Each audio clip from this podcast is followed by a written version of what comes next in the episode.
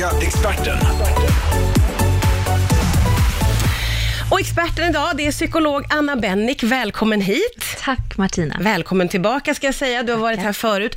Eh, och idag så ska vi fokusera på ensamhet. Vi har öppnat upp att ställa alla frågor man kan ha om, jag tänker främst att vara ensam i vuxen ålder. Det här är ju någonting som är väldigt, väldigt utbrett vad jag förstår. Ja, det är det verkligen. Och du har ju skrivit en bok eh, om detta, att vinna över ensamheten. Och jag minns att när du var här senast, eh, så, så kom vi in på att prata om att det är, det är väldigt, väldigt många. Ja, det är väldigt många, och, eh, men det är också väldigt, väldigt svårt att prata om. Det, vi, det väcker ganska mycket skam att prata om sin egen ensamhet. Gud vad den där skammen flåsar i nacken. Och, eh, och skam är ju en sån där signal att vi faktiskt ska dra oss undan och inte visa upp det här fula, fula. Eh, och då blir det ju ännu svårare också att be om hjälp kanske, eller att prata om det förstås, eftersom det är en signal att vi ska dölja det. Så Ja. det är någonting som gör det svårare. Ja men verkligen, för det känns ju som, det känns som att det finns en allmän eh, tanke kring att om man är ensam så är man, är man inte lyckad. Det är ju lyckat att ha familj och mycket vänner omkring sig och ett Jättemånga rikt socialt liv, eller hur? Ja, verkligen. Eh, att, Verkligen. Och vad säger det om mig då, om jag är en person som inte har så himla många? Och då väcker ju det i sin tur massa negativa tankar om sig själv, så att många ensamma personer som jag träffar, som det är, det är en stor, stor spridning på förstås. Det är, Ja. inte, det är en, en myt, eller en helt felaktig bild, att det liksom är bara jättesvåra typer, eller eh, personer som inte kan ha ögonkontakt, eller konstiga kufar eller så, som är ensamma, för så är det verkligen inte, utan det är unga och äldre och män och kvinnor och alla olika samhällsskikt när man tittar på, på det. Sen finns det ju förstås olika risk eh, grupper, personer som har ökad risk för att hamna i ensamhet. Men vi kan alla vara ensamma och jag tror att vi alla någon gång i livet är ensamma. Antingen känner oss väldigt ensamma eller faktiskt är ensamma. Man kanske flyttar, skiljer sig eller det händer saker som gör att man eh, har för lite omkring sig helt enkelt. Mm. För jag kan ju se, det har ju kommit in många frågor, jag ska säga det att man kan ställa frågor fortsatt på våra sociala medier och på Insta Story kan man ju ställa dem lite mer anonymt, om man känner att man vill vara anonym går det jättebra.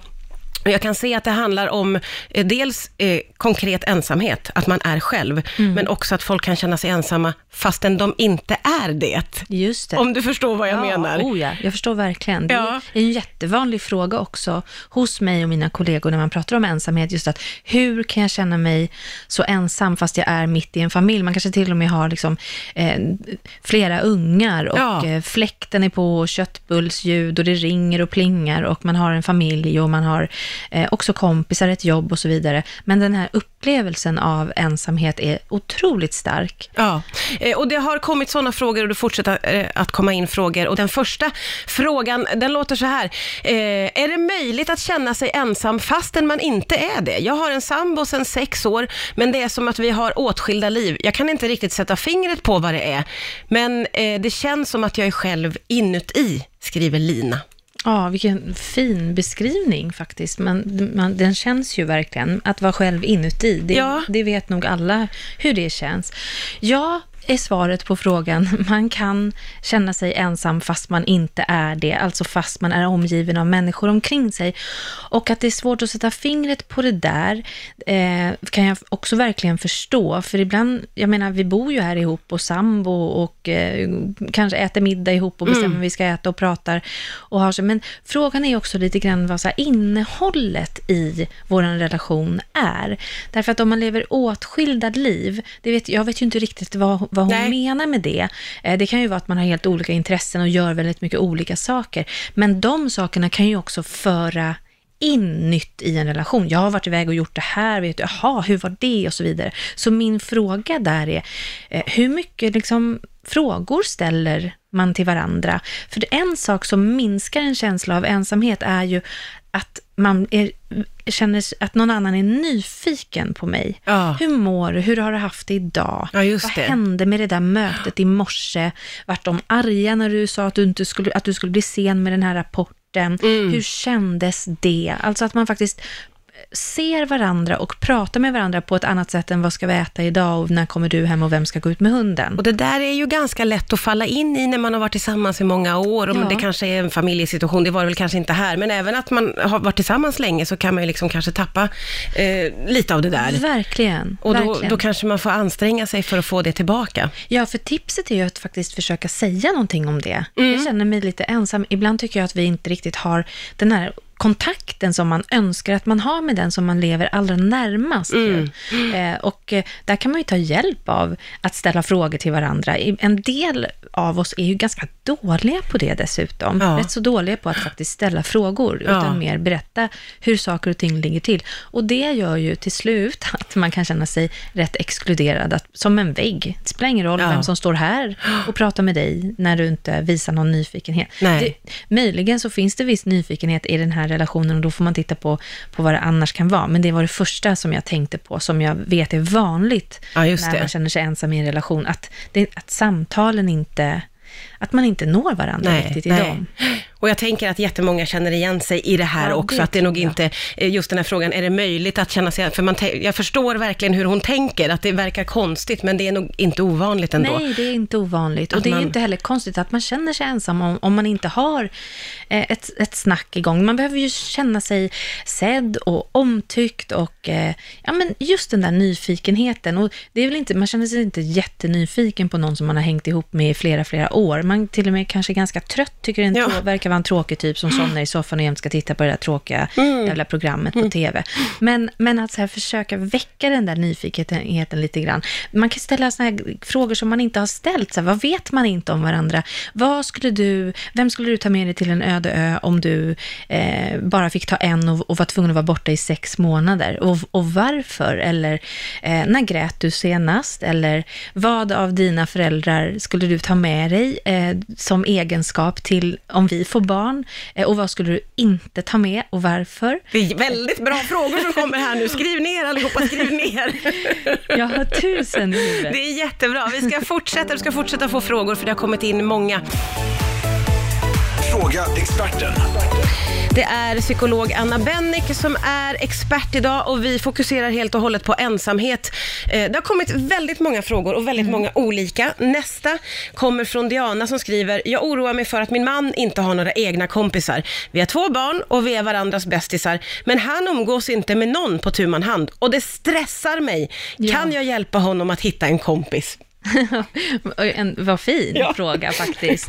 Man får känslan av Omtanke. att Diana har kompisar, Ja. men inte hennes man då. Nej, precis. Och Diana tror jag också har ganska mycket ut av sina kompisar, att träffa någon på tu man hand och, och vet vad, hur värdefullt det känns. Och det kan ju förstås stressa att eh, se att ens man inte har någon. Och det kan det göra av flera olika anledningar förstås. Men eh, en sak som jag vill bara säga som, är, som jag tycker är bra att säga, det är att vi är ju väldigt, väldigt olika när det kommer till vilka behov vi har av eh, och att omge oss med andra eller att faktiskt eh, pyssla omkring för oss själva. Vi- Ibland brukar vi ju dela upp det i att vara extrovert eller introvert. Det är ju någonting som de flesta har hört talas om. Där, där man som introvert hämtar mycket energi, återhämtning, blir kreativ av, i sitt eget sällskap faktiskt. Medan andra, eh, där kanske vi, vi, vi några i den här studion, eh, till och med jag, som känner igen sig mer i att eh, hämta energi tillsammans med andra och liksom vänner och kunna stötta andra och få stöd och kunna skratta med andra och, och så vidare. Och att allt, det finns ett väldigt brett spektra där, där allting är normalt och naturligt så länge man mår bra. Sen kan jag, vill jag också säga att jag kan se en risk i att inte ha en endaste någon som man är förtrolig med mer än sin partner. Ja. Därför att ibland, eh, ungefär 44 procent av gångerna, så går ju också de där eh, relationerna efter ett tag isär. Ja, just det. Och det är faktiskt en ökad risk och det är en ännu högre risk om man är man. Eh, Att, och då att bli ensam efter att ett bli uppbrott. ensam efter ett uppbrott, ja. Ja. Därför att det, det, det ser ut så fortfarande att det oftare, stämmer ju absolut inte alla gånger, men lite oftare så är det kvinnan som har tagit det större Mm. ansvaret för socialt nätverk, bjuda in grannar, umgås med ungarnas Ja. eh, kompisars föräldrar. Ja, ja, ja, spindeln Eh, i nätet. Ja, men verkligen. Ja. Och, och pyssla runt med det. Ja. Och sen så går man isär och då, då plötsligt märks det Ja, mycket just mer. det. Ja. Men eh, får jag fråga då, Ja. eh, hur, hur farligt är det att vara ensam? Eller är det farligt? Ja, bra fråga. Eh, det är inte farligt att vara ensam så länge man känner sig nöjd och tillfreds med ensamheten. Och där som sagt, som vi var inne på, är vi ju väldigt olika. Det är den ensamhet som jag inte vill ha, inte önskar, men inte kan välja bort.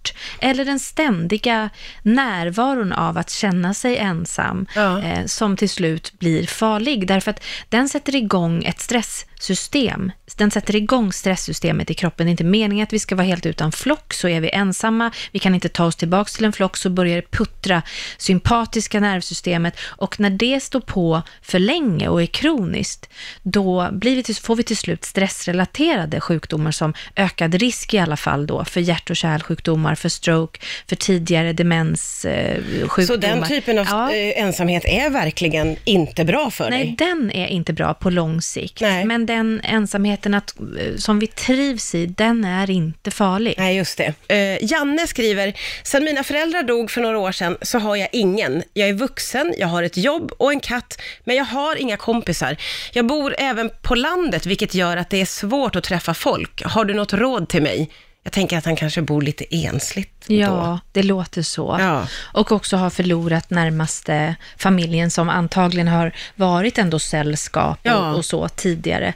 Eh, ja, och katt, om man ska prata lite allmänt kring husdjur, så kan man se i studier att det kan minska känslor av ensamhet att ha husdjur förstås, men det räcker ju inte hela vägen och det, okej. det tycker jag att han beskriver ganska bra här då. Jag har jobb, jag har katt, men jag känner mig för ensam. Mm. Och så svårt också om man bor lite avskilt. Men det är ju ändå så här att själva liksom kärnan i att bryta en ofrivillig ensamhet, det handlar om att i högre utsträckning vara i sammanhang där det också finns andra. Eh, så att Bor man alldeles för ensligt och alldeles för långt bort, det är ju få personer som, som gör det, att det är svårt mm. att, att, Ja, ja. åka ibland liksom till, till... Man har något närliggande men det samhälle. måste finnas något ja. närliggande samhälle, annars kanske man måste flytta. Ja, ja, om, man mår sig dåligt, om han mår dåligt av den här ensamheten, då kanske man inte ska bo så själv. Nej, men precis. Det, möjligen behöver man titta på sådana lösningar också. Jag tänker när jag jobbar med ensamma personer, att man får titta på olika lösningar. Hur ska, det, hur ska jag kunna eh, räcka eh, förlänga mig ut i olika sociala arenor. Och då är en sak som är, är svår, är ju att man tänker sig att, man måste, eh, att det måste finnas massor. Men faktiskt att tänka att man kan göra det här i små steg är en väldigt bra sak. Att börja med något litet sammanhang. Finns det något bibliotek i samhället i närheten som har bokcirklar varannan vecka? Eller finns det någonstans nära jobbet där man faktiskt kan eh, gå någonstans? Man behöver inte ha världens största intresse för saker och ting, utan man kan bara bestämma sig för att man ska hitta lite nya huvuden. Och sen till en början inte ha tanken att man ska ha, hitta tio nya bästa kompisar, utan bara lite mer socialt in. Ja, just det. För det kan skapa lite goda ringar på Ja. vattnet. Man får lite mer energi av det och sen vågar man stanna kvar på en AV fast man egentligen känner sig ganska obekväm. Ja, just och så klarar man det och sen vågar man. Så brukar vi få jobba och så är det en knotig väg. Man får liksom lov att utmana sig själv lite, låter det ju som på dig. Att man måste Precis. våga sticka ut hakan fast man kanske inte riktigt är redo, eller vad man ska säga. Ja, men precis. Och handlar det om att det är svårt att ta sig så får man titta hur kan man problemlösa kring det. Eh, ibland handlar det om att man har dålig ekonomi och att saker och ting kostar så himla mycket sak, pengar. Men det finns ju saker i, i kommuner oftast som anordnas som inte är så himla kostsamt egentligen. Eh, så att, att leta lite runt på nätet, googla på så här, vad finns det för någonting i min kommun som erbjuds. Och även, eh, det finns även eh, grupper grupper sådär i, på sociala medier där man kan tipsa varandra eller det finns appar appar för att hitta lite nya kompisar. Ja, just det, just det. Hur hjälpsamt är det att ha en hund eller katt Ja. i det här läget? Det kan vara hjälpsamt på flera sätt. Dels så kan man se att om man har en annan levande varelse att, att ta hand om och klappa på och så, så, så kan man se att det ger goda effekter. Man får faktiskt lite eh, duschar av bra liksom, hormoner Ja. av att faktiskt eh, också vara med husdjur. Så det kan göra verkligen gott.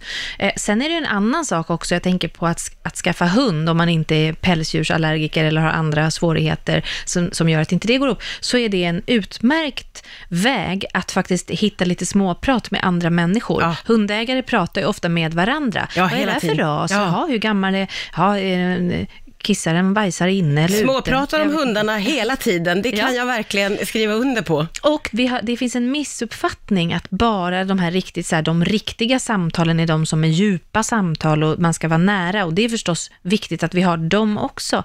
Men man ska inte underskatta småpratets Eh, hälsosamma effekter. Det är faktiskt så att det vidare sociala nätverket, småpratet, bokcirkeln, snack i ICA-butiken eller i hissen som vi svenskar vrider oss och vänder oss och tycker det är jättejobbigt att göra, att vi ska göra mer av det, därför att då eh, ökar vi chansen att leva längre, visar forskning.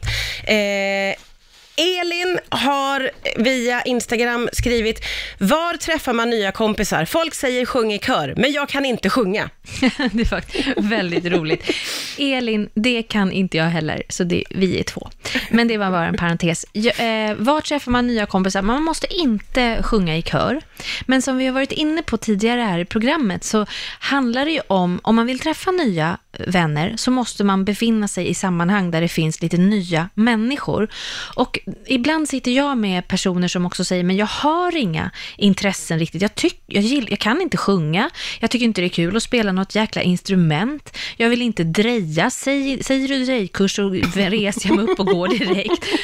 Och då brukar jag ibland behöva svara, skit i det. Gör någonting tråkigt. Det är inte därför du ska göra Ja, det. just Du ska det. göra det för att du ska träffa nya personer. Och då kan man ju försöka tänka sig, var någonstans finns det människor som kanske är lite lika mig? Eh, i, i, ålder eller i andra typer av intressen eller var kan jag hitta människor Mm. som, eh, ja, men, ja, men där, som är ungefär i mitt spann? Ja, just det. Ja. Och, eh, och då kanske inte man måste tycka att det är jätteroligt med just silversmide, men kanske finns det roliga människor där man kan prata med i Just pausen. Eh, det är förstås bra om man också tycker själva aktiviteten är rolig, men ibland finns inte det. Här är det återigen så att man får lite grann utmana sig själv och anstränga sig lite. Det känns som att du återkommer till det, att man måste på något sätt ta ett steg själv. Ja, man måste det. Man måste det i slutändan. Men bra att du ändå pinpointade det, därför att det är också så viktigt att säga att för ibland blir det också så här hurtiga tips. Gå ut och ta, en, ha egna initiativ och var glad och var positiv och le så får du kompisar. Det är inte så lätt om man har varit ensam länge, om man har den där skammen som vi började det här Ja. programmet med att prata om väldigt mycket. Eh, om man har känt sig nere, deppig och dessutom har, har tappat tilltron till sin egen förmåga. Så egentligen är tipset till alla som har skrivit in, eh, om man tycker det är svårt att ta sig ur på egen hand, vilket inte är konstigt, så bör man söka hjälp eh, och få hjälp och lite tips och pepp och så med sånt som kan vara svårt och som kan vara hindrande för Ja, att gå det. den där Ja. jäkla drejkursen sen. Just det, kan man inte ta det steget, då finns det hjälp Ja, att och få. det är inte så konstigt att man inte kan ta det steget, Nej. därför att ensamhet gör väldigt mycket saker med oss som försvårar och hindrar oss. Eh, och det är inget konstigt. Det är precis som med depression och sömnsvårigheter och stress och diabetes och så. Vi, om vi ska kunna ta oss ut efter det så behöver vi hjälp innan. Just Lite det. injektioner, Ja. lite nytt, lite hjälp. Det är psykolog Anna Bennick som är här idag i egenskap av expert. Vi pratar om ensamhet. Eh, och så många frågor. Vi har kommit fram till den sista nu, Anna. Eh, och det är från Rosanna som skriver, jag är 22 år och har bara ytligt bekanta. Jag längtar efter en bästis att anförtro mig åt. Men det är ju inte som att man kan beställa en på nätet. Ska man bara acceptera att man är själv? Åh, vad synd att det inte går att beställa på nätet. Ja, Man kan beställa gött. så himla mycket på nätet. Ja. Eh, jag förstår verkligen frågan. Eh, Nej, det behöver man absolut inte bara Nu har hon ju ytligt bekanta, skriver hon. Ja, ytligt bekanta. Eh, en sak det här med bästisar är ju att vi, jag vill bara säga det som en kort ingång, att det är jättemånga som jag träffar som säger alla andra har bästisar, för vi är matade med vad det där är med bästis. Man går armkrok, man kissar ihop och i alla amerikanska tv-serier så finns det bästisar. Och, Ja. Men det är väldigt, väldigt många som säger, eh, när, när ingen annan hör, att man har faktiskt ingen bästis. Man har lite kompisar, Ja. men, men en specifik bästis, det är lite mytomspunnet och väldigt upphöjt i vårt Gud vad skönt att samhälle. höra faktiskt. Ja, men faktiskt, att så är det inte riktigt. Däremot eh, så tycker jag att frågan är högst relevant ändå, därför att ska, ska- ska jag nöja mig så här? Och det behöver man ju inte göra. Men då behöver man fundera på, vad kännetecknar en lite mer nära relation än den ytliga? Ytliga relationer är viktiga också, till skillnad från vad många eh, tror. Men den här lite mer nära relationen, vad, vad ingår i den? Och i den ingår ju just där att man kan känna att man kan vara sig själv. Och många som jag träffar som har problem med just det där närmandet har också jobbigt med att visa också de lite sämre delarna av sig själv. Att man kanske har svårt att prata om när man inte mår bra eller svårt att berätta, gud jag gjorde bort mig, det här hände. Alltså det där som är, det är lite fulare också hos Mm, oss. Det är det som oftast gör, om man berättar någonting för någon annan person, eh, det här har hänt mig, jag var i en kris, jag blev lämnad, dumpad eller det här hände. Man får nästan alltid en liten historia tillbaka. Dels så väcker det empati hos den andra och dels så, så skapas något sorts förtroende också emellan personer. Så det tycker jag oftast är när man tänker på eh, vad som är nära vänner, så är det ju det där att det inte bara är så här, jo det är bra, Ja, Nej, ja. Alltså, utan att man faktiskt säger, jag är en helt värdelös eh, förälder. Jag, jag tapp, bara tappade det i morse, jag bara skrikit på barnen, gud vad jag känner mig dålig. Och så kan man säga, åh det där känner jag igen. Ja. Jag eh, tyckte det var så jobbigt när vi skilde oss, för vi har skilt oss. Har ni skilt och så Ja, just det. Sådär. Våga Nu, nu gör jag snabbversionen här, Ja, eftersom vi har kort om tid. Men, men att det är lite det där, Ja. vad ger man också av sig själv? Ja, ja. Och där kan man också tänka, som en röd tråd genom hela det här programmet, lite grann, små steg. Man kan ge lite av sig själv och se hur det känns. Alltså våga utmana det där lite grann. Mm. Om det nu är det som gör att man har mest ytliga bekanta, det, det kan jag inte veta i just det här fallet. Nej, nej. För, många, för många är det så. Och eh, igen vill jag säga, sök hjälp, be om en remiss på din vårdcentral till en psykolog som är duktig på att jobba med sådana här saker, så kan man kartlägga och utreda vad är det som gör att man har ytliga kontakter, vad är det som gör att jag är ensam fast jag är i en relation, Mm. vad är det som gör att jag har för lite människor omkring mig. Komma runt hinder, få lite hjälp och stöd och sen sträcka sig ut eh, till andra, för det går att göra någonting åt det. Du har svarat så otroligt bra på alla dessa frågor som har kommit in. Jag är så himla glad att du tog dig tid att komma hit idag. Tack snälla Anna Tack Bennick. Martina.